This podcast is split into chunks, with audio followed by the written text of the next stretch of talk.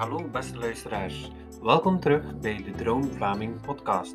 De podcast van, voor en over Vlamingen en Nederlanders in de podcastindustrie. Alles wat je denkt te willen weten in verband met drones en het gebruik ervan. Maar in tegenstelling tot de meeste andere podcasts, je raadt het al, in het Nederlands. In de show komt telkens een drone aan het woord een Vlaming of Nederlander, die begeesterd is door drones of die een link heeft in de dronewereld, professioneel of puur recreatief. Ik ben heel trots om de gast van deze week te mogen voorstellen. Vandaag heb ik niemand minder dan Jean-Pierre de Muit te gast. Jean-Pierre de Muit is werkzaam bij Skydrone, maar om zeker te zijn dat ik hier de bal niet verkeerd sla, zal ik vragen om zichzelf eens uitgebreid voor te stellen. Hij kan ons meer vertellen over DroneKite en de werking ervan, maar vooral ook over de nieuwe opkomende Europese dronewetgeving. Het internet wordt overspoeld door vragen, beweringen en theorieën over deze wetgeving. En het leek nu het uitgelezen moment om het daarover eens te hebben met een expert ter zake. Heel snel al werd duidelijk dat een half uurtje absoluut niet zou volstaan. Hierdoor werd deze aflevering wel dubbel zo lang. Dubbel luisterplezier dus. Enjoy! Goedenavond, meneer De Muit. Eerst en vooral bedankt om uh, hier te gast te willen zijn vanavond. Ik heb je reeds uh, heel kort voorgesteld, maar mag ik ook vragen om jezelf eens wat voor te stellen en daarbij ook eens je link met drones uit de doeken te doen? Dat, dat mag zeker Pascal. Ik stel trouwens voor dat we elkaar aanspreken met de voornaam, dus zeg gerust Jean-Pierre. Ja, um, dankjewel. Ja, ik uh, zit uh, in de drones nog niet zo heel lang, bij wijze van spreken. Alhoewel ik denk dat niemand noodzakelijkerwijs al heel lang in de drones zit. Het zou mij uh, verwonderen alvast voor de niet-militaire drones. Ik zit in de droneomgeving um, sedert een jaar of vier, pakweg zoiets van half 2016. Voordien ja. kwam ik uit satellietcommunicatie. Ik ben eigenlijk altijd gepassioneerd geweest door alles wat, wat, wat technologie is. Ik heb mijn carrière al wel degelijk in de commerciële functie, maar mijn achtergrond en mijn opleiding zijn technisch. En toen ik toevallig uh, vanuit satellietcommunicatie in contact kwam met een kleine start-up die Unifly noemde, um, was ik wel gepassioneerd door drones en daar is het wat, uh, zowat eigenlijk allemaal uh, begonnen. Um, de satellietcommunicatie was voor mij altijd een klein beetje magie en, en toen ik voor het eerst met drones in aanraking kwam, had ik zo'n klein beetje hetzelfde gevoel. en het was al vrij snel duidelijk, vond ik dat drones veel meer zijn dan het speelgoed die, die we allemaal kennen. En voor ja. mij ging een nieuwe passionele wereld open. Dus dat vond ik eigenlijk wel, uh, eigenlijk wel leuk. Dus dat, zo ja. als korte introductie voor mezelf. Oké, okay. ja, dat is toch al een hele tijd natuurlijk. Hè? Ja, uh, dat was uh, uit de periode dat het, uh, het KB helemaal vers en nieuw was. Hè? Zo ja, was misschien allemaal nog herinneren. Ja, april. Een, een, vraag die ik aan elke gast zou willen stellen. U bent zelf ook dronepiloot en heeft u zelf drones? En zo, zo ja, welke zijn dit en waarom heeft u precies die aangeschaft? Wel, misschien moet ik beginnen met een grapje, want de, de vele luisteraars van deze podcast zullen waarschijnlijk wel uh, een merendeel klasse 1 piloten zijn. Ik ben uh, voor dat soort van mensen niet noodzakelijkerwijs een echte dronepiloot, want ik ben klasse 2 piloot. Ja. Onder het oude KB dan. Dus ik heb altijd drones gevlogen en ik doe dat altijd puur voor mijn plezier, bij wijze van spreken. Dus ik heb die niet professioneel aangeschaft. wat ik heb is al, al ja, vrij lang um, was ik fan van de Parrot Bebop, dus daar vlieg ik al al een aantal jaren mee. En sedert pakweg uh, vorig jaar uh, ben ik dan toch maar ook overgestapt naar de Mavic Air uh, met de fameuze DJI goggles. Eigenlijk meer omdat dat handzaam is om mee te nemen op vakantie, wat van een, van een Parrot Bebop uiteraard niet kan gezegd worden. Dus die handzaamheid en de opvouwbaarheid van de Mavic Air en die gigantisch goede ja, videokwaliteit was, was voor mij een belangrijke parameter. Ja, en nog altijd zeer, zeer tevreden over, veronderstel ik dan. Ja. ja, absoluut. Zelfs over mijn parrot kan ik niet klagen. Maar ze zijn moeilijk vergelijkbaar met elkaar. Dus ik vind ze allebei, uh, eigenlijk allebei keigoed. Ja, ja, ja. En gebruikt u deze ook dan uh, in de privésfeer of, of gebruikt u die ja, voor uw job? eigenlijk enkel en alleen maar in de privésfeer. Um, ik zit al vier jaar eigenlijk uh, van bij mij uh, ja, start bij, bij Unifly in drone traffic management. Dan ben ik overgestapt naar, ja, naar Belgo Control en nu zit ik uiteindelijk bij Skydrone, die een, die een 100% filiaal is van, van Belgo Control. En ja. van Skies dan nadien uiteraard. Dus in dat opzicht zijn drones nooit weg geweest op professioneel vlak, maar dan in een totaal ander andere omgeving. Niet zozeer om zelf aan de, aan de controller te zitten en zelf piloot te spelen, maar eerder om ja, de toekomst voor te bereiden voor alles wat drone traffic management is in België. En dat was, ja. ja. Dus in dat opzicht is, is, is wat ik doe eigenlijk een spillover in alles wat het drone gebeuren is. Ja, ja, ja. En een dag uh, zoals die, als u gaat werken, hoe ziet die eruit, uh, als ik vraag? Ja, ik zie opvallend weinig drones, want Skydrone is, uh, is gelokaliseerd in Stonokkerzeel, aan de voet van de verkeerstoren. Dus ik kan u wel inbeelden dat we daar niet zo al te veel uh, drones zien passeren. Ja, inderdaad. Gelukkig maar, zou ik, uh, zou ik zeggen. Maar Skydrone, zoals ik al eerder aangaf, is een, is een 100% filiaal van, van Skies. Opgericht, Skydrone bij UW wordt geschreven op, op dezelfde manier als Skies, dus Sierra Kilo Echo Yankee vooraan. En um, ja, we zijn een kleine start-up, dus de, de gemiddelde dag ziet er heel uh, verscheiden uit. We zijn uh, nu aan het bouwen aan een, aan een productportfolio rond traffic management, ja, van software die we straks gaan aanbieden aan, uh, aan Skies en die denk ik heel veel piloten die willen vliegen in de CTR straks van kort bij zullen meemaken. Maar we bereiden ook de toekomst voor naar allerlei andere softwareoplossingen, direct gericht naar, naar de dronepiloot. En we doen ook heel veel projecten, waaronder andere ook drone detectieprojecten zijn en drone protectieprojecten. Dus ons portfolio is heel breed en de gemiddelde dag, ja, die is heel divers, gaande van de website uh, mee helpen bouwen tot en met ja, timmeren aan een stuk van de wetgeving. Dus het is, het is heel divers. Het is ja, heel technisch ook waarschijnlijk dan. Of... Ja, toch wel degelijk, ja. Dus mijn, mijn achtergrond uh, helpt me zeker. Ja, dat, uh, dat kan ik wel geloven. Maar ik heb ook ergens gelezen dat u de app Drone Guide, ja, die elke dronepiloot wel kent, hebt mee ontwikkeld. Kan u daar iets meer over vertellen en hoe, hoe ging dat precies in zijn werk?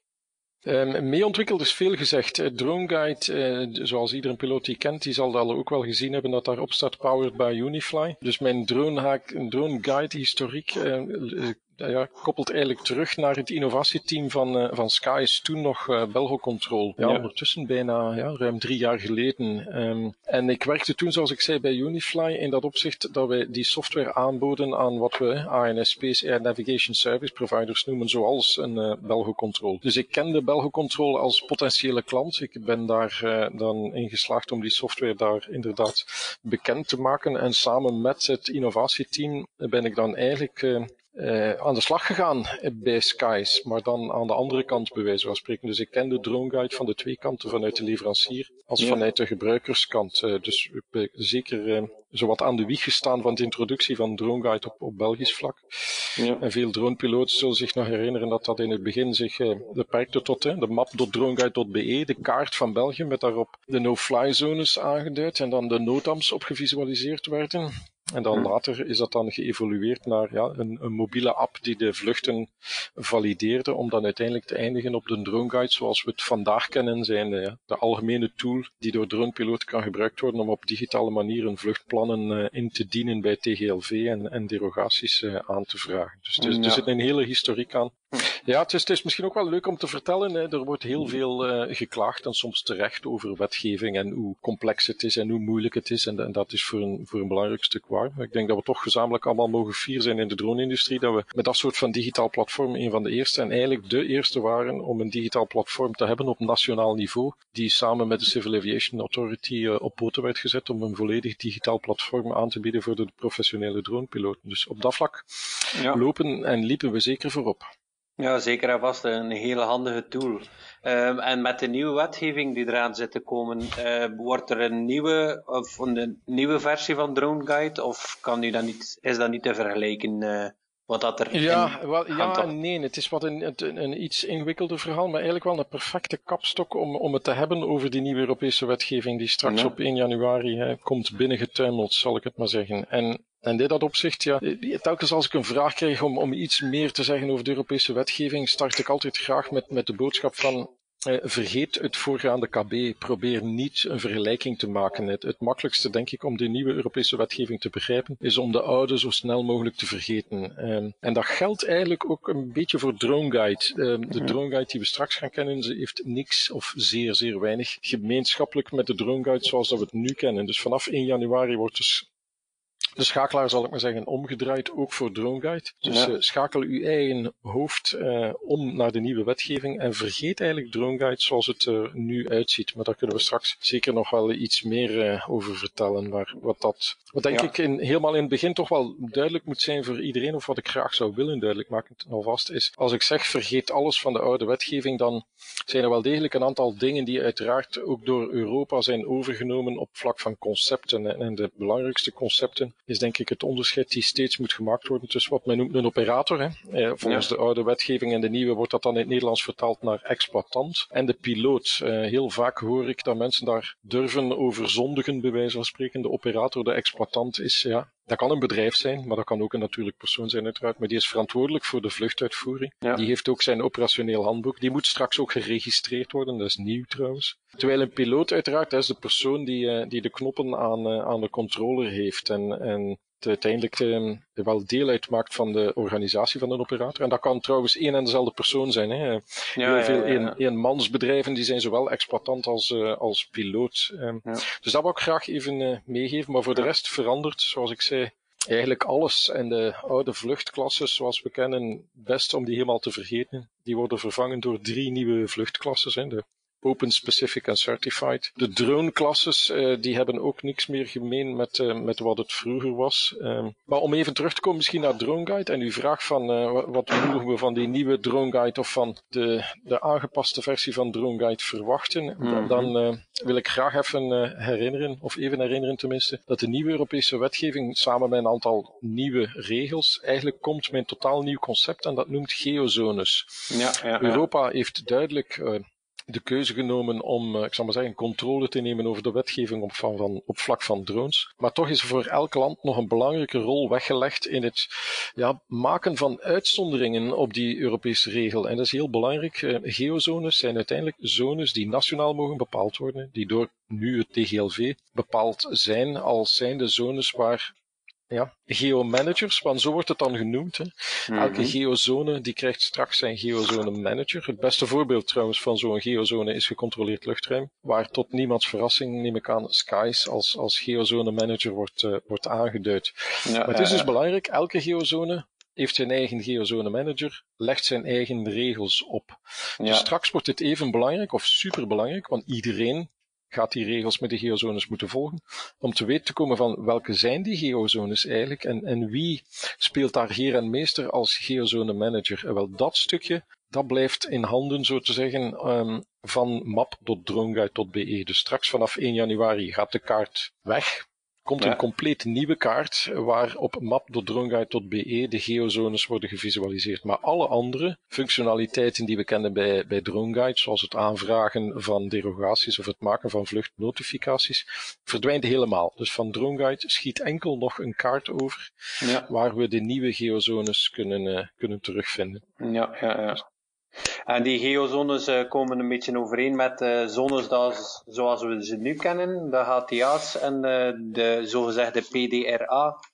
Voor een groot deel wel, uiteraard. Ja, in dat Ja. opzicht, eh, ja, die zones die waren destijds gedefinieerd als zones die belangrijk zijn op vlak van risico, ehm, Ja. voor drones en, en voor bemande luchtvaart bijvoorbeeld, maar ook voor risico op de grond. Hè. Ik denk bijvoorbeeld aan de haven van Antwerpen, de EBR 54, de Restricted Zone 54. Ja, Die zal straks nog steeds herkenbaar zijn op die kaart, als zijnde uiteraard de geozone verbonden aan de haven van Antwerpen, met dan de geozone manager, Ja. eh, de Port of Antwerp. Ehm, dus die, die gaat zeer gelijkaardig zijn, maar een aantal zones zijn nieuw. En, en wat denk ik ook super belangrijk is, de, de regels die verbonden zijn aan die geozones, die veranderen wel degelijk fundamenteel. En, en het beste voorbeeld die ik kan geven is eh, de CTR's, gecontroleerd luchtruim. We weten allemaal dat daar nu onder de huidige wetgeving derogaties voor nodig zijn. Er is een straks een fundamentele en zeer grondige verandering van de CTR's, die straks worden onverdeeld in wat men noemt de VLL 0, VLL 1 en VLL 2. Die in functie van de afstand eh, veel meer mogelijk, laten, mogelijk maken tenminste.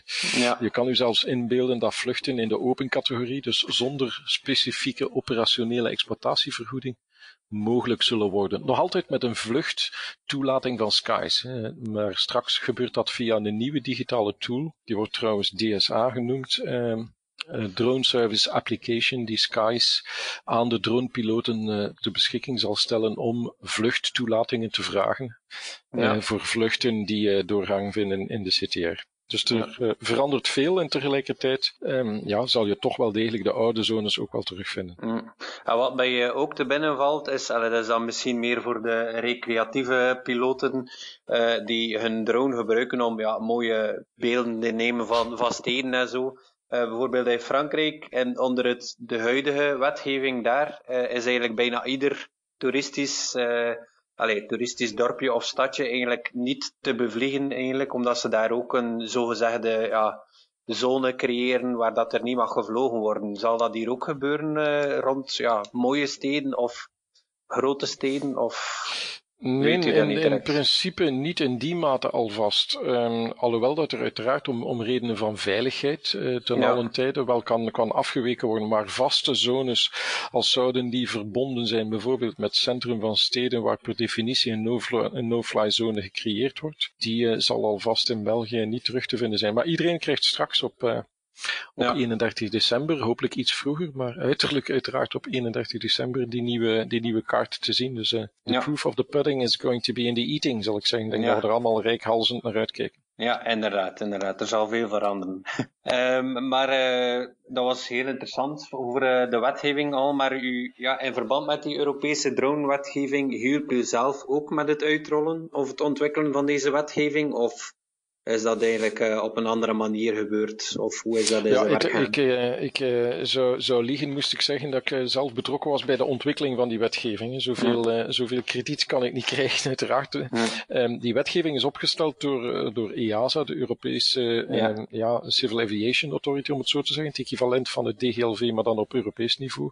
-hmm. En is ultiem ook zeer zwaar gedreven vanuit politieke kant, vanuit de Europese Commissie. Um, ik had wel het geluk dat er een aantal, uh, enfin, dat ik in mijn, uh, mijn hoedanigheid van uh, werknemer bij Belgacontrol um, en bij Skies achteraf ook wel regelmatig uitgenodigd werd in consultatierondes waarbij vertegenwoordigers van de industrie, zoals een Belgacon, in betrokken waren. Ja. Dus ik heb, ik heb daar heel veel zien gebeuren en heel veel consultatierondes kunnen meemaken en mijn commentaar geven op die tussentijdse versies. een beetje gelijkaardig trouwens als wat nu op Belgisch niveau ook het geval was bij de, bij bij de BCDC, de Belgian Civil uh, Drone Council, ja. die denk ik door veel piloten gekend is, waar ik in werkgroep 3 uh, eh, zeer actief ben. Ja, inderdaad. Oké. Okay. er zijn nog een enkel, enkele vragen die ook via Facebook tot bij mij gekomen zijn. Waaronder een van de open categorie A1. Er wordt eigenlijk niet gesproken over afstanden tot mensen betrokken of niet betrokken. En wil dat dan zeggen dat ik met een Mini 1 of 2 bijvoorbeeld uh, zo dicht mag vliegen als ik zelf wil? Of is dat ja, uiteraard rekening houden met uh, veiligheid? Of hoe, hoe gaat dat in zijn werk uh, van die afstand? Ja, dat is, dat, is, dat is een zeer goede vraag, want er bestaan een, zeker een aantal misverstanden over. Dan kunnen we het straks misschien nog over die C1-drones en dergelijke, of C0-drones hebben. Maar de concrete vraag is hier van, hoe, hoe zit dat met die open categorie? En die A1 wordt er over afstand van mensen gesproken. Dus misschien is dat de perfecte kapstok. En by the way, ja. de, de korte versie van de vraag misschien mini, bij mij weten, ik heb er zelf geen, weegt nee, 249 gram. Dus hij heeft ja, een MTOM, een massa take-off, of uh, 249 gram. In dat opzicht valt hij dus inderdaad in die A1-categorie en is hij equivalent met zo'n C0-drone. Ik kom daar straks op terug. Ja. En effectief, de Europese wetgeving laat toe dat je zelfs over mensen vliegt. Ik, ik ga iets meer in detail over die open categorie. De open categorie gebruikt eigenlijk een klassificatie van vluchten. Hè. Dat is dan de A1 en de A2 en de A3. Ja. Kort gezegd, het makkelijkste om, om te onthouden misschien is de A1 is de laagste. En dat laat u toe om zelfs te vliegen over mensen. De redenering daar is, uw drone is zodanig licht dat hij eigenlijk weinig kwaad kan doen. Ja. Dus dan mag je zelfs over de mensen heen vliegen. Um, de A2-categorie, dat is een categorie waarbij dat je dichter bij de mensen komt. Dus er zijn een hele hoop uh, meer beperkingen in dat opzicht dat je niet mag uh, dichter vliegen dan, dan 30 meter van de mensen af. Dat is dan typisch voor de A2-categorie. Ja. En voor de A3-categorie, ja, dan ben je eigenlijk geacht van heel ver weg te blijven van elke ja, vorm van menselijke activiteit, bij wijze van spreken. Want de regel is daar dat je minstens op 150 meter van wat men dan noemt residentiële, commerciële, industriële en recreatieve gebieden. Ja. Dus daar zitten we echt in het midden van de velden. En, en waar vinden we dan de drones terug, is misschien de volgende vraag. Wel, die categorieën van drones, naast die vluchtcategorieën A1, A2, dus A1 over mensen, A2 dicht bij mensen, A3 ver van mensen. Mhm. Die loopt een beetje gelijkaardig, maar dat is een tabel die jullie, eh, of, of die de luisteraars kunnen terugvinden op de website. Daar kom ik straks nog op terug. Maar de categorie van drones die evolueert eigenlijk van de C0, dat is dan de lichtste drone, tot en met de C4 drones. Dat zijn dan de typische aero-modellen, maar die kunnen dus gaan tot 25 kilogram. En de filosofie daar is, ja, hoe hoger het gewicht, hoe groter het gevaar, hoe Ja. hoger het aantal, bij wijze van spreken. Dus in de categorie A1 vinden we dan typisch de C0 en de C1 drones terug. Mhm. C0 heeft een maximum van 250 gram, C1 is dan de, de 900 gram. Dus inderdaad, hoe, hoe kleiner eh, het cijfertje naast de C, om het zo te zeggen, hoe meer kans je maakt om over mensen te mogen vliegen of dicht bij mensen te vliegen. En het ultiem voorbeeld daarvan is als uw drone minder weegt dan 250 gram, dan kan u zelfs over mensen vliegen. Wezen het wel dat die verplichting of die mogelijkheid om over mensen te vliegen niet bestaat over een menigte van mensen. Dus denk Ja. niet van ik ga met mijn mini naar Werchter en ik ga daar over de mensen van vliegen, dan ben je zeer gevaarlijk en trouwens zeer illegaal bezig. Ja, ja, ja. Dus je mag over mensen vliegen, maar nooit over een menigte van mensen. Heel vaak krijg je dan de vraag van, wat is een menigte van mensen? Hè? Is, dat, is dat 30 man, is dat 300 man, is dat 30.000 man? De wetgever zet daar geen aantal op, by the way. Dus een, een menigte van mensen is pas een menigte, zoals de wetgever het zegt, als door, door het, eh, omwille van het aantal mensen er niet op tijd kan weggevlucht worden van het gevaar. Dus ik zou maar zeggen, als uw tuin niet al te groot is en u heeft daar een receptie met, ik Hm. zeg maar, 20 man, dan kan dat best zijn dat die 20 man al een menigte zijn, als je er mag van uitgaan dat, eh, dat ze door gevolg, of ten gevolge van een aantal niet allemaal op tijd kunnen wegvluchten. Dus wees daar zeer voorzichtig mee, eh, zou ik zeggen. Ja, ja. En misschien toch nog even een kapstokje, want eh, terwijl ik eraan denk, probeer ik al zoveel mogelijk vragen te beantwoorden. Een vraag die ik heel dikwijls hoor is, ik heb net mijn mini gekocht, hè, die, die, die weegt dan 249 gram, dan zit die toch in de C0-categorie, want de C0 inderdaad heeft een maximum van 250 gram. Het antwoord daarop is nee. Ehm, als u afvraagt van is mijn drone C0, C1, C2 of C3, nou, dan hoef je zelfs die vraag niet te stellen. Ik zou zeggen, neem hem vast en kijk ernaar. Ja. Als daar niet het label C0 bijvoorbeeld op staat, dan is het geen C0 drone. Trouwens, er is op, vandaag op de markt nog geen enkele CX. Hè. Wezen het 0 tot en met 4. ja. Dus die drones zijn simpelweg nog niet eh, beschikbaar op de markt vandaag. Dus de vraag die zich dan stelt, ja, maar kan ik dan wel in de open categorie vliegen met mijn bestaande drone? Dat kan zeker, maar misschien moeten we daar straks op, eh, op terugkomen. Ja, inderdaad. Ehm, en de volgende categorie van eh, ehm, vluchtuitvoeringen in feite is dan eigenlijk eh, de specifieke categorie, als ik me goed ehm, heb ingelegd, voor eh, boven de 25 kilo, of hoe zit dat dan juist? En er wordt daar ook ja, waarschijnlijk dan meer door ja, mensen die het voor hun beroep doen, meegevlogen met dergelijke drones. Maar daar is er ook sprake van standaard scenario SORA, een LUC of een LUC en PDRA. Ehm, kunt u daar eh, kleine verschillen of kunt u daar de grootste verschillen uithalen uit die, ja, die vier zaken in feite? Ja, eh, zonder visuele steun is dat niet altijd even makkelijk, maar ik ga, het, ik ga het er toch op wagen. Om misschien nog kort even terug te komen op die open categorie, eh, Pascal. Ja. Ehm, ik, ik hoor heel vaak de vergissing begaan als zou de open categorie zo'n beetje equivalent zijn met een recreatieve eh, klasse en dat er eigenlijk binnen de open categorie geen professioneel gebruik mogelijk zou zijn. Dat, dat is een stevige vergissing. Ik hoor, ik hoor dat heel vaak, ehm, Ja. omdat mensen denken van ja, specifieke categorie is dan, is dan uh, de commerciële categorie. Ik, ik grijp terug naar de open categorie A2 bijvoorbeeld. Hè, en, en nu even terugkomen over die mensen. Want heel vaak krijg ik de vraag van ja, maar als er niet over mensen mag gevlogen worden, dan kan ik met die open categorie toch niet zo gek veel doen. Mhm. En daar wil ik graag even op terugkomen. Als de open categorie bijvoorbeeld in de A2 zegt van je kan niet over mensen vliegen, dan wordt daar specifiek verwezen naar wat men noemt involved people, dus betrokken mensen. Ja. In de A2-categorie bijvoorbeeld kan je wel degelijk perfect over mensen heen vliegen op de strikte voorwaarde dat ze effectief betrokken zijn in de vlucht. Ja. En betrokken zijn betekent dat ze expliciet een akkoord gegeven hebben om uh, overvlogen te worden. Dus ik neem maar een voorbeeld van een, een IMO-kantoor die een, een huis wil in beeld brengen. Als daar iemand toevallig loopt uh, en die is akkoord om op uh, beeld genomen te zijn en die is er ook akkoord mee dat die even heel kort overvlogen wordt bijvoorbeeld, dan kan dat perfect in de A2. Ja. Dus A2 is zeker een klasse in de open categorie waar naar mijn voorspelling heel veel commercieel gebruik zal van gemaakt worden. Uh, daar kan uw drone bijvoorbeeld een C2-drone zijn. Die zijn er nu nog niet op de markt, maar die komen er straks wel aan. Die kan tot 4 kilogram wegen, dus wees maar zeker dat dat een stevig uit de kluit gewassen drone kan zijn. Ja. Van heel hoge kwaliteit. Dus, uh, maar het, het klopt wel degelijk. Hè. Alle, als je buiten de voorwaarden van een open categorie valt, Mhm. Dan kom je per definitie in wat men noemt die specifieke categorie terecht.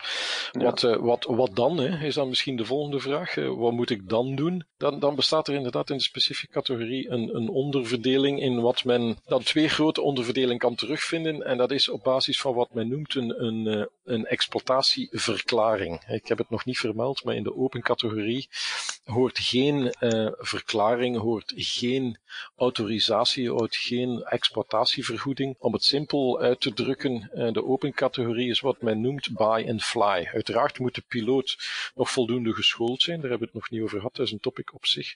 Ja. Maar in principe in de open categorie je volstaat het van uw drone te kopen, voldoende geschoold te zijn en je mag vliegen. Je moet het bij wijze van spreken aan niemand anders nog vragen. Ja. By the way, op voorwaarde dat de geozone u daar niet toe zou verplichten. Hè? Ja, maar om nu even terug te komen, um, als je in die specifieke categorie wilt vliegen, dan zijn er een mogelijkheid waarbij men wat men noemt een standaard scenario kan vliegen. En dat is dan eigenlijk een soort van vlucht of vluchtvoorwaarden die door de wetgever op voorhand vastgelegd zijn. En Europa heeft er nu al zo twee vastgelegd, wat men noemt de standaard scenario 1. Dat zijn VLOS vluchten in wat men noemt urban area. Dus als je ergens in, ik zeg maar in het centrum van de stad, een VLOS vlucht wil uitvoeren, mm dan zal dat perfect kunnen met een standaard scenario. Er bestaat ook zelfs een standaard scenario 2. En dat is voor BVLOS vluchten, dus Beyond Visual Line of Sight, in wat men noemt rural areas. En dat is dan de eerste stap na de open categorie, is gewoon een verklaring binnensteken bij het TGLV, bij wijze van spreken, en zeggen, by the way, vanaf vandaag wil ik standaard scenario 1 vliegen. En dan volstaat die verklaring. Dan heb je ook geen exploitatie, um, exploitatietoelating of een exploitatievergunning nodig van het TGLV, maar ben je wel beperkt tot het vliegen van die standaard scenario's. Daarvoor zijn twee nieuwe drones in de wereld geroepen, die noemen dan de C5 en de C6 drone. Hm. Ja, pittig detail, ook die zijn nog niet te beschikbaar op de markt. En trouwens, de Europese wetgeving heeft bepaald dat die standaard scenario's pas ter beschikking komen vanaf 2 december. Raar datum misschien, maar het is er een. 2 december 2021. Dus tot zo lang kunnen we eigenlijk gezamenlijk als piloot zo geen standaard scenario's uitvoeren. Wel belangrijk om weten misschien is dat er op Belgisch niveau wel degelijk gewerkt wordt aan zo wat men noemt een Belgisch standaard scenario. Maar dat is misschien een onderwerp voor de volgende podcast, denk ik dan. Ja, dat nu, als, ik niet, als ik niet in de open categorie val en, en ik val ook niet in die standaard scenario's, wat moet ik dan doen? Wel ja, dan moet je eigenlijk wel degelijk een exploitatievergoeding, een vergunning tenminste, aanvragen aan het TGLV. En die vergunning laat u dan toe om een bepaald soort van vluchten uit te voeren. Dus die is nog altijd niet locatiegebonden. Met zo'n exploitatievergunning, met andere woorden, moet je niet op voorhand zeggen van ik wil op die precieze GPS-locatieplaats gaan vliegen. Een exploitatievergoeding is verbonden aan een soort locatie. Ja. En hoe moet je dan die exploitatievergunning vergunning tenminste gaan, gaan justifiëren of gaan aanvragen? Wel, je kan dat op, uh, op, eigenlijk op drie verschillende manieren doen, zo'n mhm. exploitatievergunning te pakken krijgen. En de eerste, waarschijnlijk best gekende manier is wat men noemt door een SORA op te maken, een Specific operational risk analysis op te stellen. Dus dat is een risicoanalyse die je opmaakt voor jouw bepaald soort van vluchten die je op bepaalde soort van plaatsen wil uitvoeren. En als die door het TGLV aanvaard wordt, dan uh, heb je je exploitatievergunning uh, op zak, bij wijze van spreken. Ja. Maar dat, is, dat vergt wel degelijk een, een, een extensieve SORA-oefening. Een, een, tweede mogelijkheid is, je, je, je, vermeldt het zelf in je vraag, het gebruik van wat men noemt dan een PDRA. Dat is dan een Predefined Risk Analysis. En dat is dan mhm. eigenlijk een soort van op voorhand opgestelde SORA. Als die jou goed uitkomt, en Europa heeft er al zo eentje opgesteld, maar er gaan er nog wel komen. Als je zegt van ja, het soort van vlucht in die ik wil uitvoeren in het soort van omstandigheden die eigenlijk overeenkomen met zo een van die vooraf gedefinieerde riskanalyses, dan wordt het leven u wat makkelijker gemaakt. Dan kan je die gebruiken om eigenlijk vrij snel een soort van ja, gepredefinieerde risicoanalyse te gaan gebruiken en om die als leidraad te gebruiken bij het opstellen van die vergunning die je dan aanvraagt bij het TGLV. En dan de derde, en daar gaan we misschien iets te ver in detail, is wat men noemt een LUC. Die staat voor Light UAV Operator Certificate. En daar, ja, dat is dan typisch voor organisaties die erin slagen om toch wel een, een goed safety management systeem op poten te zetten. Want als je erin slaagt om zo'n certificaat te behalen, dan mag je je eigen exploitatievergunningen uitschrijven. Dus dan ben je geacht als organisatie om veilig genoeg te zijn om dat, uh, om dat zelf te gaan doen. Dus een, een, een, hele flinke boterham, denk ik. En daarom wil ja. ik graag verwijzen naar uh, ja, de website van TGLV, onder andere ook Skydrone. Op skydrone.iro zal vanaf maandag uh, heel veel informatie daaromtrent verspreiden. Maar die zijn al op verschillende plaatsen, ook op, op UK bijvoorbeeld, en andere plaatsen wel ter beschikking gesteld. Ja, ja, ja.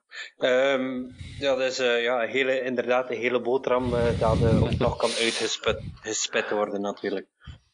Maar welke gevolgen zal dat hebben voor volgens u de nieuwe wetgeving op drones?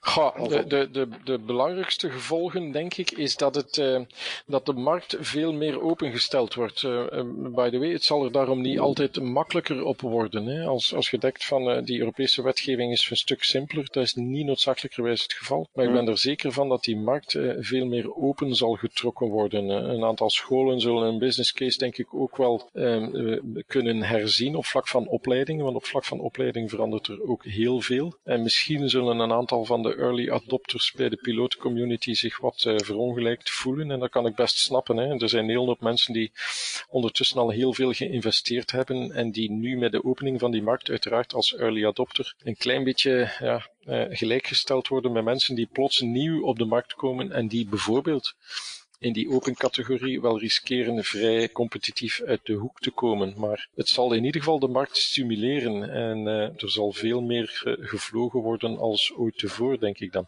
Ja, ja dat denk ik uh, ook in ieder geval. Maar uh, nog een vraag van iemand op Facebook. Zullen de no-fly zones met deze geozones nog uitbreiden? En momenteel ja, is er ook een verschil in zaken recreatief en commercieel. blijft er een ja, maar dat er eigenlijk geen uh, verschil meer is tussen recreatief en commercieel.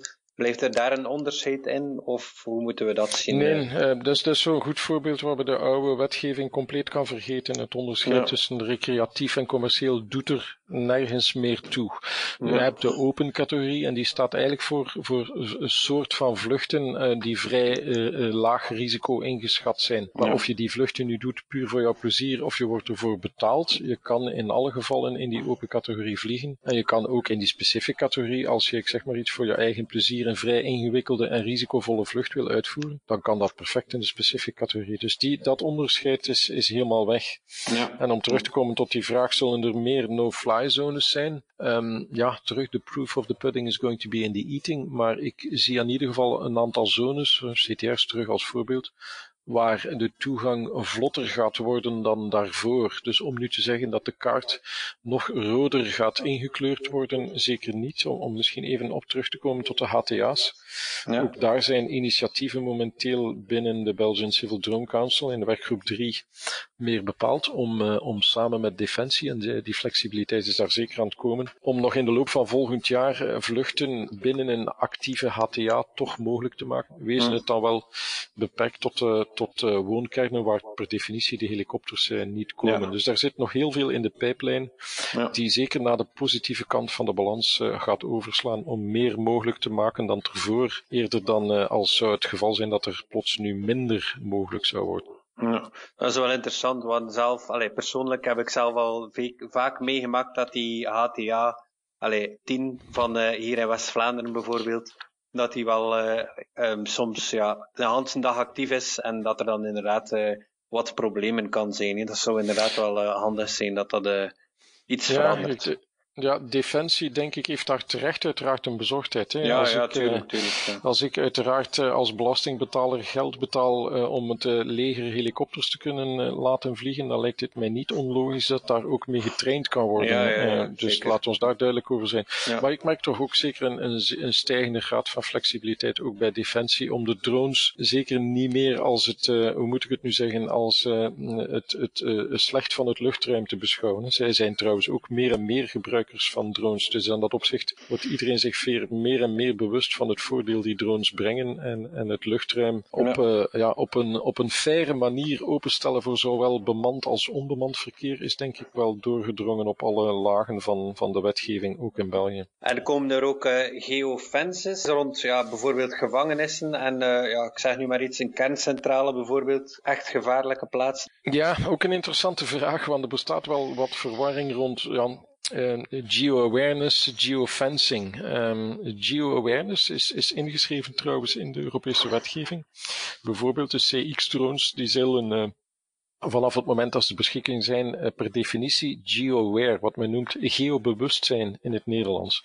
Ja. Nu, wat is geobewustzijn en geo-awareness? Well, dat komt erop neer dat uw drone dan eigenlijk de kaart waar we het net over hadden, hè, de nationale kaart van de geozones, dat hij die kent. Hè, ja. Dat uw drone, met andere woorden, op een bepaalde manier, en het is dan bijvoorbeeld aan de piloot om die kaart te uploaden in de drone. Maar als je dan in zo'n zone zou komen, mm-hmm. zonder dat je er zelf van bewust bent, vandaar geobewustzijn, dan is het de drone die de piloot verwittigt van het feit dat hij een bepaalde zone binnenkomt. Ja. Voor een aantal uh, onder de luisteraars die met DJI vliegen, dat zijn er heel veel, dan zal dat misschien wat herkenbaar in de oren klinken, want inderdaad ook een, de gemiddelde DJI-drone die heeft zo'n kaart in zich. Hè, ja. En die zal u waarschuwen als je bijvoorbeeld te dicht bij de, bij de runway zou komen en het gaat u zelfs verbieden om op te stijgen. Dus dat is al een vorm van geo-awareness, maar dat is niet de vorm die de wetgever in gedachten heeft. Uh, als de wetgever op Europees niveau en ook op Belgisch niveau spreekt over geo-aware, dan is dat de geo-awareness ten opzichte van de officiële kaart in België en dus niet de kaart van DJI. Hè. We zullen misschien ondertussen al allemaal weten dat de kaart die DJI gebruikt een wereldwijde kaart is met bepaalde zones die zij zelf gedefinieerd hebben en die per definitie niet overeenkomen met de geozones zoals dat die in Europa gekend zijn. Dus dat is het stukje geo-awareness, geobewustzijn.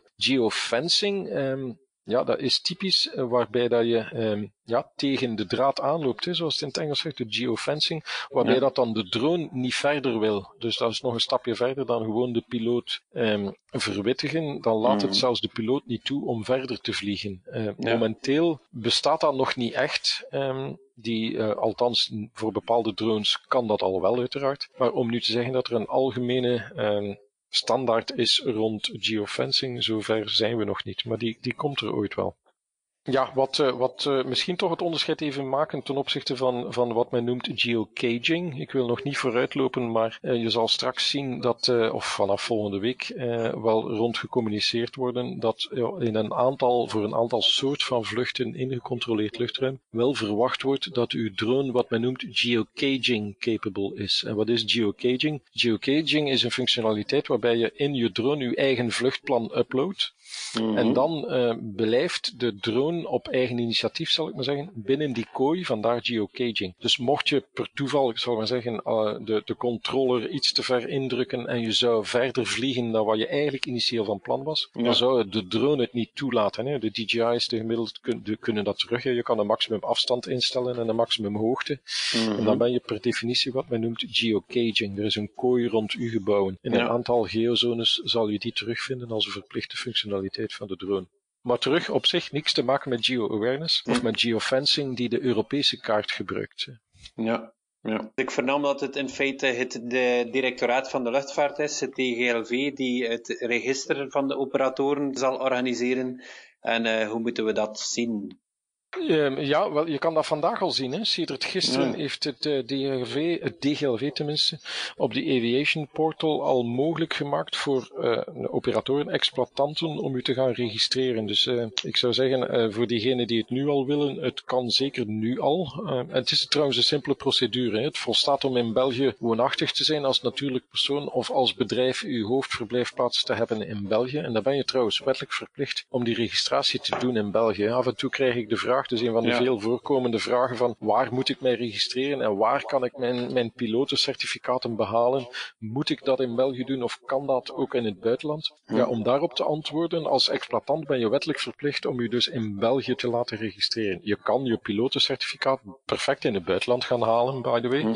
Maar de registratie van de exploitant, van de operator, moet in België gebeuren en is vanaf gisteren eigenlijk al ook wel beschikbaar op de Aviation Portal voor iedereen uh, op de DGLV-website.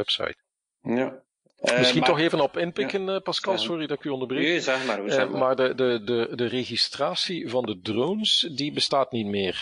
vanaf 1 januari geldt er geen verplichting meer om uw drone te laten registreren. Dus de fameuze Oscar-Oscars, die zijn voor de drones in ieder geval vanaf 1 januari niet meer relevant. Er worden ook niet meer uitgevaardigd. Het is enkel nog de operator die zich moet laten registreren. En de registratie van de drone is niet verplicht. Tenzij trouwens, we hebben het tot nu toe nog niet gehad op die, die fameuze derde categorie. We hebben het al gehad over de open categorie en over de specific categorie. Er bestaat ook nog zoiets als een certified categorie.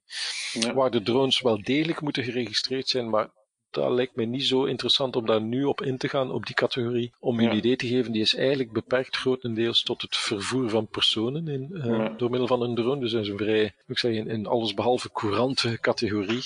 Of voor bijvoorbeeld uh, pakjes in Bivilos rond te laten vliegen in, in wat men noemt densely populated areas. Ik zeg maar iets in het centrum van Brussel. Uh, pakjes laten leveren van op afstand, dat valt dan per definitie ook in de certified categorie. En dat is een totaal andere wereld. Daar moet de drone ook een airworthiness certificate hebben. Dus daar, daar gaan we denk ik hier nu even niet op in. Uh, die categorie is iets te exotisch voor de gemiddelde dronepiloot. Uh, Er zijn al wel, er zijn al wel uh, projecten, ook in België, om dat soort van vluchten mogelijk te maken, by the way.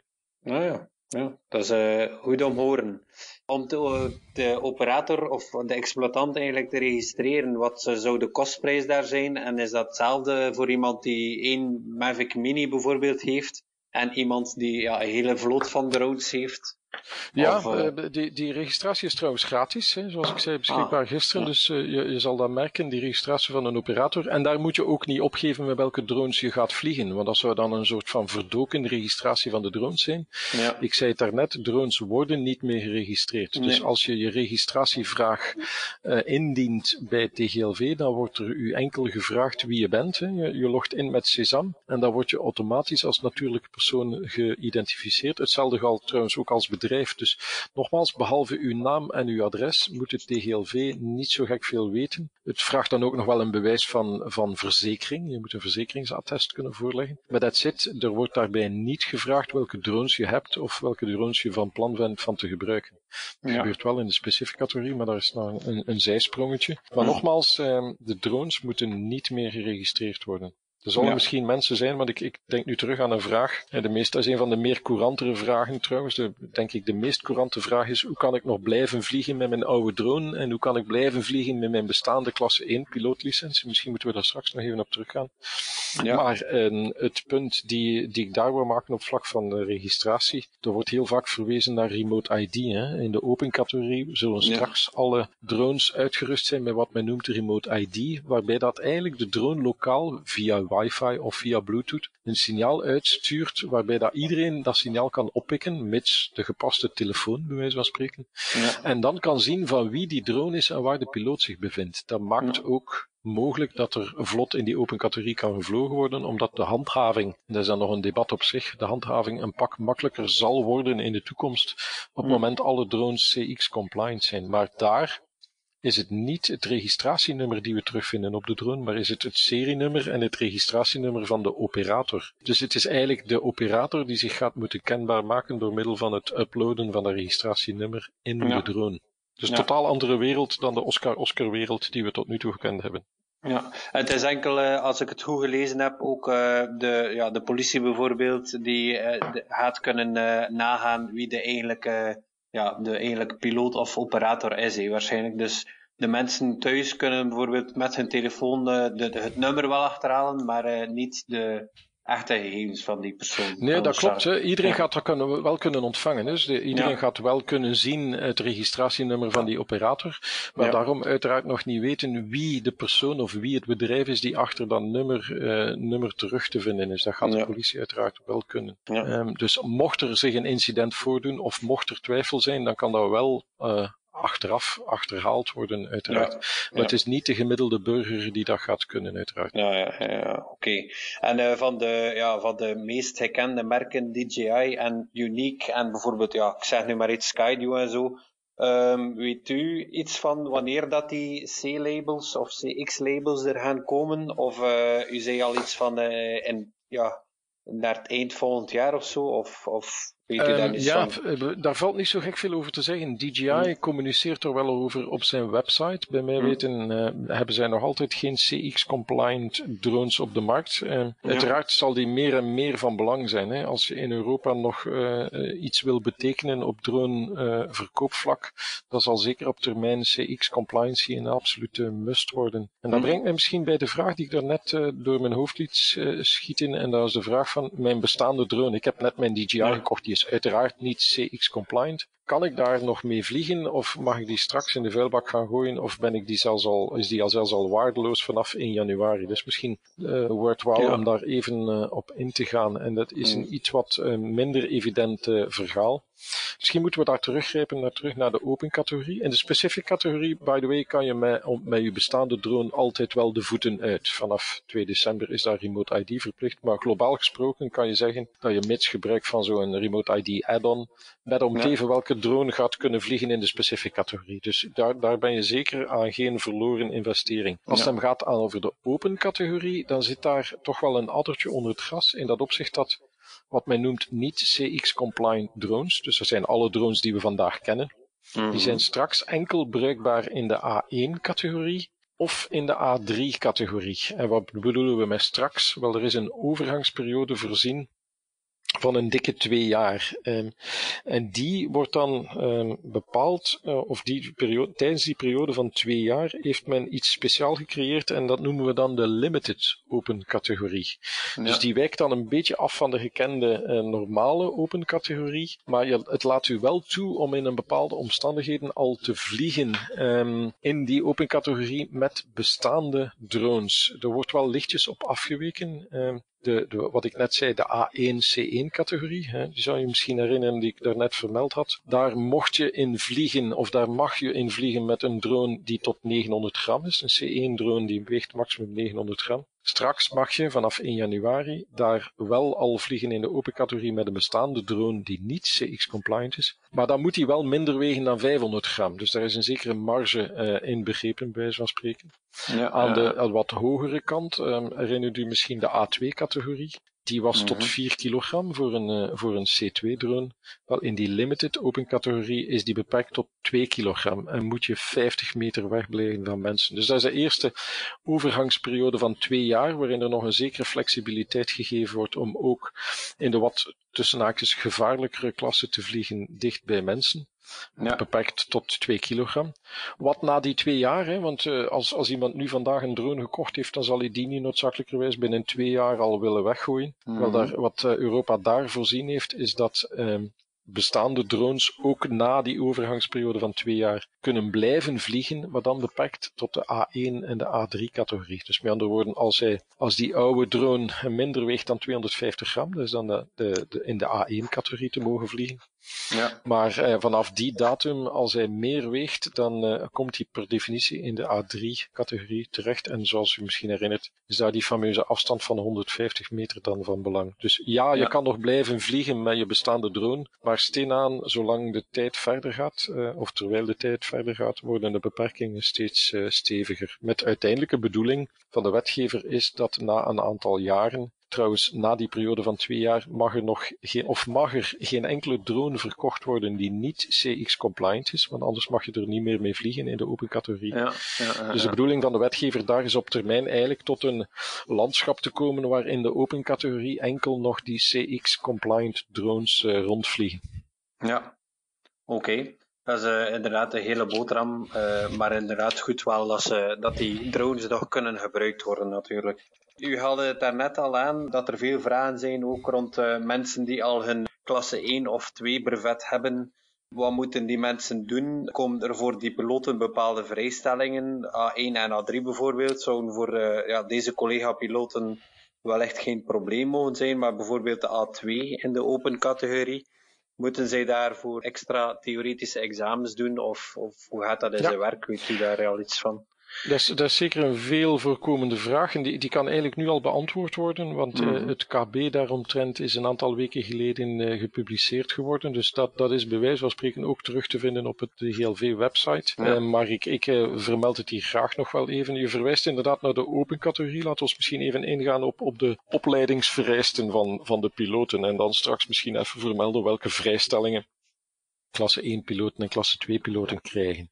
Ja. Uh, in, in een nutshell, wat zijn de pilotenvereisten in de open categorie? Wel, de, de minder risicovolle uh, groepen, dus zijn de die A1, herinner u, A1 mag je zelfs boven de mensen vliegen. En A3 uh, vlieg je zodanig ver van de mensen af dat het risico daar ook heel klein is, hè, die 150 meter. Dus de A1 en de A3 categorie die zijn zeer risico beperkt.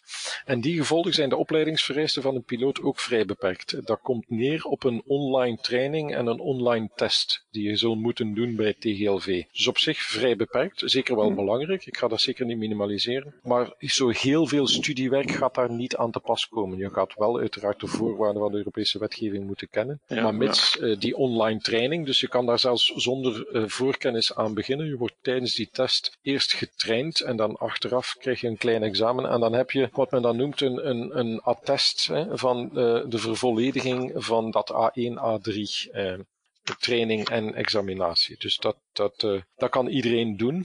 Ja. Daar krijgt de A1, de klasse 1 en de klasse 2 piloot geen volledige vrijstelling van. En dat lijkt mij trouwens ook logisch, want ja. ja die, die, Europese wetgeving is zo fundamenteel verschillend dat zelfs met je huidige klasse 1 en klasse 2 attest, of klasse 1 bewijs van bevoegdheid en klasse 2 attest, je uiteraard niet noodzakelijkerwijs heel veel weet van de Europese wetgeving. Dus daar is die test even verplicht voor iedereen, hè? of je ja. nu klasse 1 was of niet. Als we het nu even hebben over die A2 open categorie, dat was dan de hogere klasse, hè, waarbij je wel mag vliegen over mensen zolang ze maar betrokken zijn. Ja. En waar je eigenlijk tot kan vliegen met een drone tot 4 kilogram, hè, die C2 Drones zijn tot 4 kilogram, in de limited categorie tot 2 kilogram. Dus dat is een vrij risicovolle subcategorie van de open categorie. Daar moet je een speciaal examen voor doen. Um, en daar heeft de klasse 1 piloot wel degelijk een vrijstelling van. Dus daar hoef je niet nog eens een examen te doen en te bewijzen dat je uh, voldoende theoretische kennis hebt. By the way, als het hem gaat over praktische kennis, dan uh, kan je zelfs in die A2-categorie vliegen zonder het, uh, het volgen van een verplichte cursus voor de praktische kant van de zaak. Je moet wel, en ik, ik uh, druk daar toch stevig de nadruk op. Je moet uiteraard wel zelf voldoende uh, uzelf getraind hebben en voldoende kunnen vliegen. Dat is wel degelijk een vereiste. Maar je hoeft daar niet noodzakelijkerwijs verplicht uh, naar een school toe te stappen om dat te gaan doen. Je kan dat zelf doen. En dan ja. volstaat wat men noemt een, een, ja, een verklaring waarin dat je zegt dat je voldoende zelf getraind en gevlogen hebt om ook in die A2-categorie te mogen vliegen. Dat is nu eenmaal wat de wetgever daaromtrent beslist heeft. Maar voor alvast het theoretisch gedeelte, zoals ik zei, heeft de ja. klasse 1 piloot daar volledige vrijstelling op. De klasse 2 piloot niet. Die moet ja. dat examen uh, toch nog uh, meedoen. Dus daar heeft de klasse 1 een, uh, een stapje voor. Ja, oké. Okay. Dat is goed om weten. Wat ik mij ook nog afvroeg in de open categorie, als ik het goed voor heb, zal er nooit beyond visual line of sight mogen gevlogen worden. Dat klopt waarschijnlijk. En is dat dan ook ik denk dat er wel s'nachts mag gevlogen worden, maar dat het nog steeds in het, in het zicht moet zijn, in die open categorie. Ja, ja laat, ons, laat ons daar misschien de dingen niet, niet, uh, niet mengen. Inderdaad, Bivilos hmm. en nachtvluchten uh, staan in principe los van elkaar. Um, waar ja, los en niet los, laat het me proberen, uh, proberen uitleggen. Je hebt 100% gelijk. Het klopt als een bus in de open categorie mag niet Bivilos gevlogen worden. Dus de drone moet altijd in het zicht van de piloot blijven. By the way, ja. dat betekent niet dat first-person view FPV-vluchten niet zouden mogen. Dat is daar de enige uitzondering op. Mits dat je iemand naast u staan hebt als waarnemer, dan kan je wel degelijk met de uw DJI-goggles bijvoorbeeld in, in FPV-vluchten doen in de open categorie. Alhoewel je uiteraard zelf de drone niet ziet. Dus dat is de enige uitzondering die bestaat op de verplichting om VLOS te vliegen in de open categorie. Dus inderdaad, um, ja, State Aircraft trouwens is een totaal ander paar mouwen, maar compleet ja. waar. In de open categorie kunnen enkel VLOS vluchten. Nu, um, dan is de volgende vraag, hoe zit het inderdaad met nachtvluchten? Want onder de huidige wetgeving was nat nachtvluchten verboden. De Europese wetgeving kijkt daar met een totaal andere bril naar, om het zo te zeggen. Um, Je kan ook perfect s'nachts in VLOS-condities vliegen, op voorwaarde dan dat uw drone uitgerust is met een groen flikkerlicht. En die redenering vind ik persoonlijk nog niet eens zo gek, want eigenlijk een drone zien vliegen s'nachts als die een groen flikkerlicht heeft, is net wat makkelijker, bij wijze van spreken, dan wat het overdag zelfs in bepaalde omstandigheden zou kunnen zijn. Dus daar zijn nachtvluchten perfect mogelijk, op voorwaarde dat je uw drone voldoende kan zien. Dus dat die voldoende groot licht heeft en dat je uiteraard niet verder vliegt dan wat veilig is qua zichtbaarheid eh, s'nachts op basis van dat groen flikkerlicht. Ja, Oké. Een persoonlijke vraag dan in verband met die state aircraft. Dat is ja, het ministerie van Binnenlandse Zaken die dat regelgeving daaromtrent doet. Is er daar communicatie met Binnenlandse Zaken of uh, hoe gaat dat in zijn werk gaan? Wordt er een nieuwe omzendbrief gecreëerd? Heeft u daar zicht op? Um, wel, ik, ik had daar zicht op um, toen ik nog bij Skies werkte. Zoals ik zei, ik werk nu bij Sky Drone. Maar bij de vorige regelgeving en het opstellen van die, die omzendbrief voor State Aircraft onder de, het huidige KB was ik zelf uh, zeer nauw betrokken bij het opstellen van die omzendbrief. Hmm. Nu zit ik bij Sky Drone uiteraard en is dat een licht ander verhaal. Maar desalniettemin ook uh, heb ik weet van het feit dat binnen de Belgian Civil Drone Council daar zeker nu naar gekeken wordt om dat op de agenda te zetten. Meer bepaald trouwens zijn daar in de werkgroep 3 waar ik ik zelf vicecoördinator ben, in het verleden al vragen over geweest. Dus dat staat zeker op de agenda. Uh, beter laat dan nooit, zou ik zeggen. Uh, maar er wordt zeker naar gekeken en aangewerkt. En ik hoop daar samen met u dat ja. daar heel snel, uh, heel snel verduidelijking op komt. want ja. dat is denk ik ook wel nodig. Ja, oké. Okay. En dan nog een, een, laatste, of een van de laatste vragen. Dat er veel professionele en commerciële dronepiloten zijn bezorgd, als ik het zo mag zeggen, dat de nieuwe Europese wetgeving ervoor zal zorgen dat er minder bekwame piloten zijn die zich ook zullen proberen te verrijken door dronebeelden aan te bieden aan mensen. Hoe denkt u daarover? God ja, dat is, dat is geen evidente vraag. Het is een terechte vraag, maar ik denk dat het antwoord uh, minder evident is. En, en mijn persoonlijke mening is, is daaromtrent een beetje gemengd, uh, moet ik zeggen. Ik, ik heb het net al vermeld. Ik begrijp zeker de positie van een aantal early adopters. Hè. Mensen die vroeg geïnvesteerd hebben in die technologie en die dure opleidingen betaald hebben, die dure examens betaald hebben, die dure apparatuur betaald hebben en die nu met ledenogen, bij wijze van spreken, moeten aanzien dat mensen met een veel lagere drempel daar binnenkomen. Ik, ik begrijp begrijp dat best. Dat, dat, is, is inderdaad een bezorgdheid die ik kan begrijpen. Tegelijkertijd is het, is het een beetje eigen aan elke nieuwe emerging technologie en emerging markt. Hè. De early adopters hebben dan ook het, ja, ik zeg, het voordeel gehad van, van daar vrij vroeg actief te kunnen in zijn. Dus dat vind ik een beetje een gemengd gevoel. Um, ik, het doet mij dan denken aan mijn aankoop van mijn eerste PC's. Die waren ook gigantisch duur. En, en een jaar later was een PC die drie keer performanter was, daar ook beschikbaar. Het is misschien niet in een volledig gelijk opgaande vergelijking. Maar early adopters betalen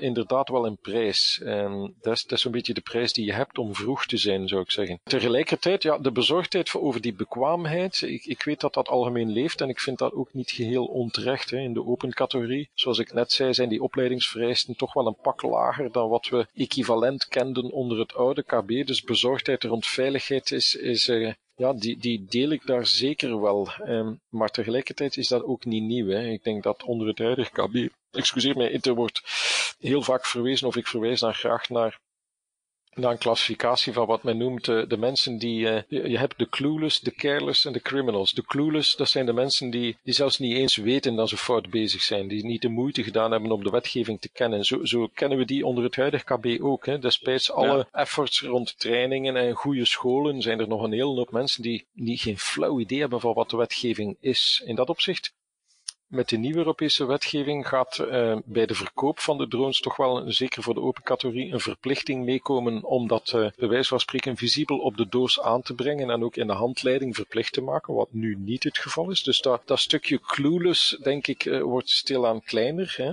Ja. En ik denk dat iedereen's verplichting is om iedereen zo goed mogelijk daarover inlichten. Dus met de nieuwe wetgeving zelfs al laat die meer toe, denk ik, gaan we de clueless kleiner zien worden in groep. Om dan Mhm. even verder te gaan naar wat men noemt de keilers. Hè. Dat zijn dan de mensen die wel degelijk de wetgeving kennen, maar die er eh, bij wijze van spreken hun voeten aan vegen en die zeggen van ja, de pakkans is zodanig klein, ik ga dat toch maar doen. Ja, Ja. daar hangt heel veel af van de handhaving inderdaad. Hè. Die groep die kennen we nu ook. Hè. Eh, Laten we eerlijk zijn, ook onder het huidige KB zijn er een pak mensen die zeggen ja, ik weet dat ik niet mag vliegen eh, aan de rand van de CTR, maar ik ga dat nu toch even toch doen, want wat is de kans dat ik, eh, dat ik gepakt word bij wijze van spreken. Dus Gaat de nieuwe Europese wetgeving daar heel veel aan veranderen? Wel, hopelijk wel. Hè. Ehm, de, de, de awareness zal veel groter zijn. Mensen gaan zeer moeilijk moeten of kunnen zeggen van I didn't know and I Ja, didn't inderdaad. care. Handhaving is denk ik daar een belangrijk aspect. En ik weet dat er eh, bij de politie uiteraard ook nog wel wat werk is om daar eh, op vlak van Ja. handhaving voldoende kennis in te krijgen. Dat is zeker geen verwijt, maar een, Ja, ja, een belangrijk tuurlijk, element eh, komt daar altijd op terug. Hè. Hoe snel kunnen we mensen die clueless en careless zijn identificeren en ze op het goede pad brengen. Hè? Ja. Dus het is misschien een iets complexer antwoord, maar het, eh, ik, kan het, eh, ik kan het niet. eh, ik kan er geen eenvoudig antwoord op, op die vraag geven, die, die nogmaals zeer terecht is. Ja, ja. Hoe ziet u de toekomst van dronegebruik? Ja, ziet u ja, grote projecten starten of wat, wat mogen we verwachten in de toekomst volgens u dan? Ja, er zijn een heel hoop projecten hè, waar ook Skydrone actief in is, eh, zowel nationaal als, als internationaal. Een aantal van de luisteraars zullen zich misschien Safir herinneren als een vrij gekend project in, eh, in de Antwerpse haven, samen met Amazon onder andere. Ehm, er zijn nu de nieuwe projecten waar ook eh, drone- eh, of passagierdrones bij betrokken zullen zijn, onder andere in het Antwerpse, die vrij ambitieus zijn. Ja, Ik stel mij dan altijd de vraag of bij wijze van spreken mijn kleinkinderen ehm, nog met de drone naar school gaan gaan terwijl ik nog leef. Ik weet het niet, maar ik vind Ja. in ieder geval een passionele gedachte en er gebeurt heel veel op technologisch vlak. Eh, voorlopig uiteraard allemaal op eh, projectbasis, maar ehm, die projecten worden wel degelijk gesteund door vrij grote bedrijven met heel veel ambitie. En ik denk dat we in de toekomst nog zeer veel zullen zien gebeuren op, eh, op dronevlak. Dus ik kijk er alvast naar uit, al was het maar het stukje passagiersvervoer bijvoorbeeld. Ja. Maar ook het stukje last mile problematiek. Hè. En nu met de COVID, eh, denk ik, weten we allemaal dat het aantal, eh, het aantal camionetjes op de baan eh, exponentieel gestegen is. We krijgen het bewijs, of ze krijgen het allemaal niet meer verdeeld. Mhm. Er waren al projecten in het verleden, onder andere met Amazon, maar ik denk die, die problematiek om pakjes met drones geleverd te krijgen, lijkt mij nog altijd een interessante topic eh, waar ik mij afvraag waar we pakweg binnen een jaar of vijf of binnen een jaar of tien zullen staan. ja, Waarschijnlijk op een totaal ander plekje dan wat we nu mogelijk achten. ja. Oké. Ehm, en is er eh, iemand die u zou aanbevelen om in deze podcast voor te komen? Goh, er zijn er zo heel veel, hè, eh, Pascal. Ja, Ik zou zeggen, ja. eh, neem, neem uw adresboekje. Ik, ik wil gerust mijn adresboekje ook delen. Er zijn verschillende namen die door mijn hoofd schieten. Ja. Mensen van Citymesh, denk ik, zijn zeker in het West-Vlaamse, maar ook in het Antwerpse heel goed gekend. Dus dat zijn een naam zoals Million Verbeke kan een voorbeeld zijn. Ik zou zeggen, bel hem op en vraag het hem eens. Ja. Ik heb er hem zelf nog niet over gesproken. Oké, dat zal ik eh, zeker doen. Eh, in ieder geval eh, mag ik u van harte bedanken voor het gesprek. Ik weet niet of dat u zelf nog ja, opmerkingen heeft of ja, iets dat u wil toevoegen. Goh, er zijn nog een hele pak domeinen, denk ik, waar we het niet over gehad Ja. hebben. Hè. Eh, Ik, ik eh, heb er al eentje vermeld. De Belgische standaard scenario, denk ik, lijkt mij super interessant. Als straks de geozonekaart komt, dan gaat er nog heel veel over kunnen verteld worden. Zeker ook over gecontroleerd luchtruim. Dus Ja. ik, eh, misschien kom ik nog wel eens terug. Als er ondertussen vragen zijn, eh, Heel dan, kan, dan kan iedereen mij bereiken, denk ik. Eh, zoek alvast eens naar eh, ehm, eh, skydrone.iro. Daar kan je mijn contactpunten terugvinden. Daar kan je mijn e-mailadres terugvinden. Dus dat, eh, dat moet allemaal wel lukken. Ja, Gaan met die is- banaan, zou ik zeggen. Oké, heel erg bedankt voor, eh, voor de, het eh, aangename gesprek. Het was heel informatief. En ik hoop inderdaad dat we in de toekomst nog wel een keer kunnen afspreken daaromtrent. Om misschien nog een keer een podcast te doen over iets in de trant van drones. Oké, perfect. Oké, Bedankt voor, voor, voor ook jouw tijd. En het was, het was mij een waar plezier. Ja, mij ook. Bedankt. Tot ziens, Pascal.